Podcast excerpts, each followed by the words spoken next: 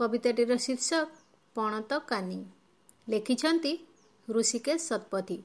ପରିବେଷଣ କରୁଛନ୍ତି ପଲ୍ଲବିନୀ ଆଚାର୍ଯ୍ୟ। ତା ପାଖେ ବି ଅଛି ପଣତ କାନି।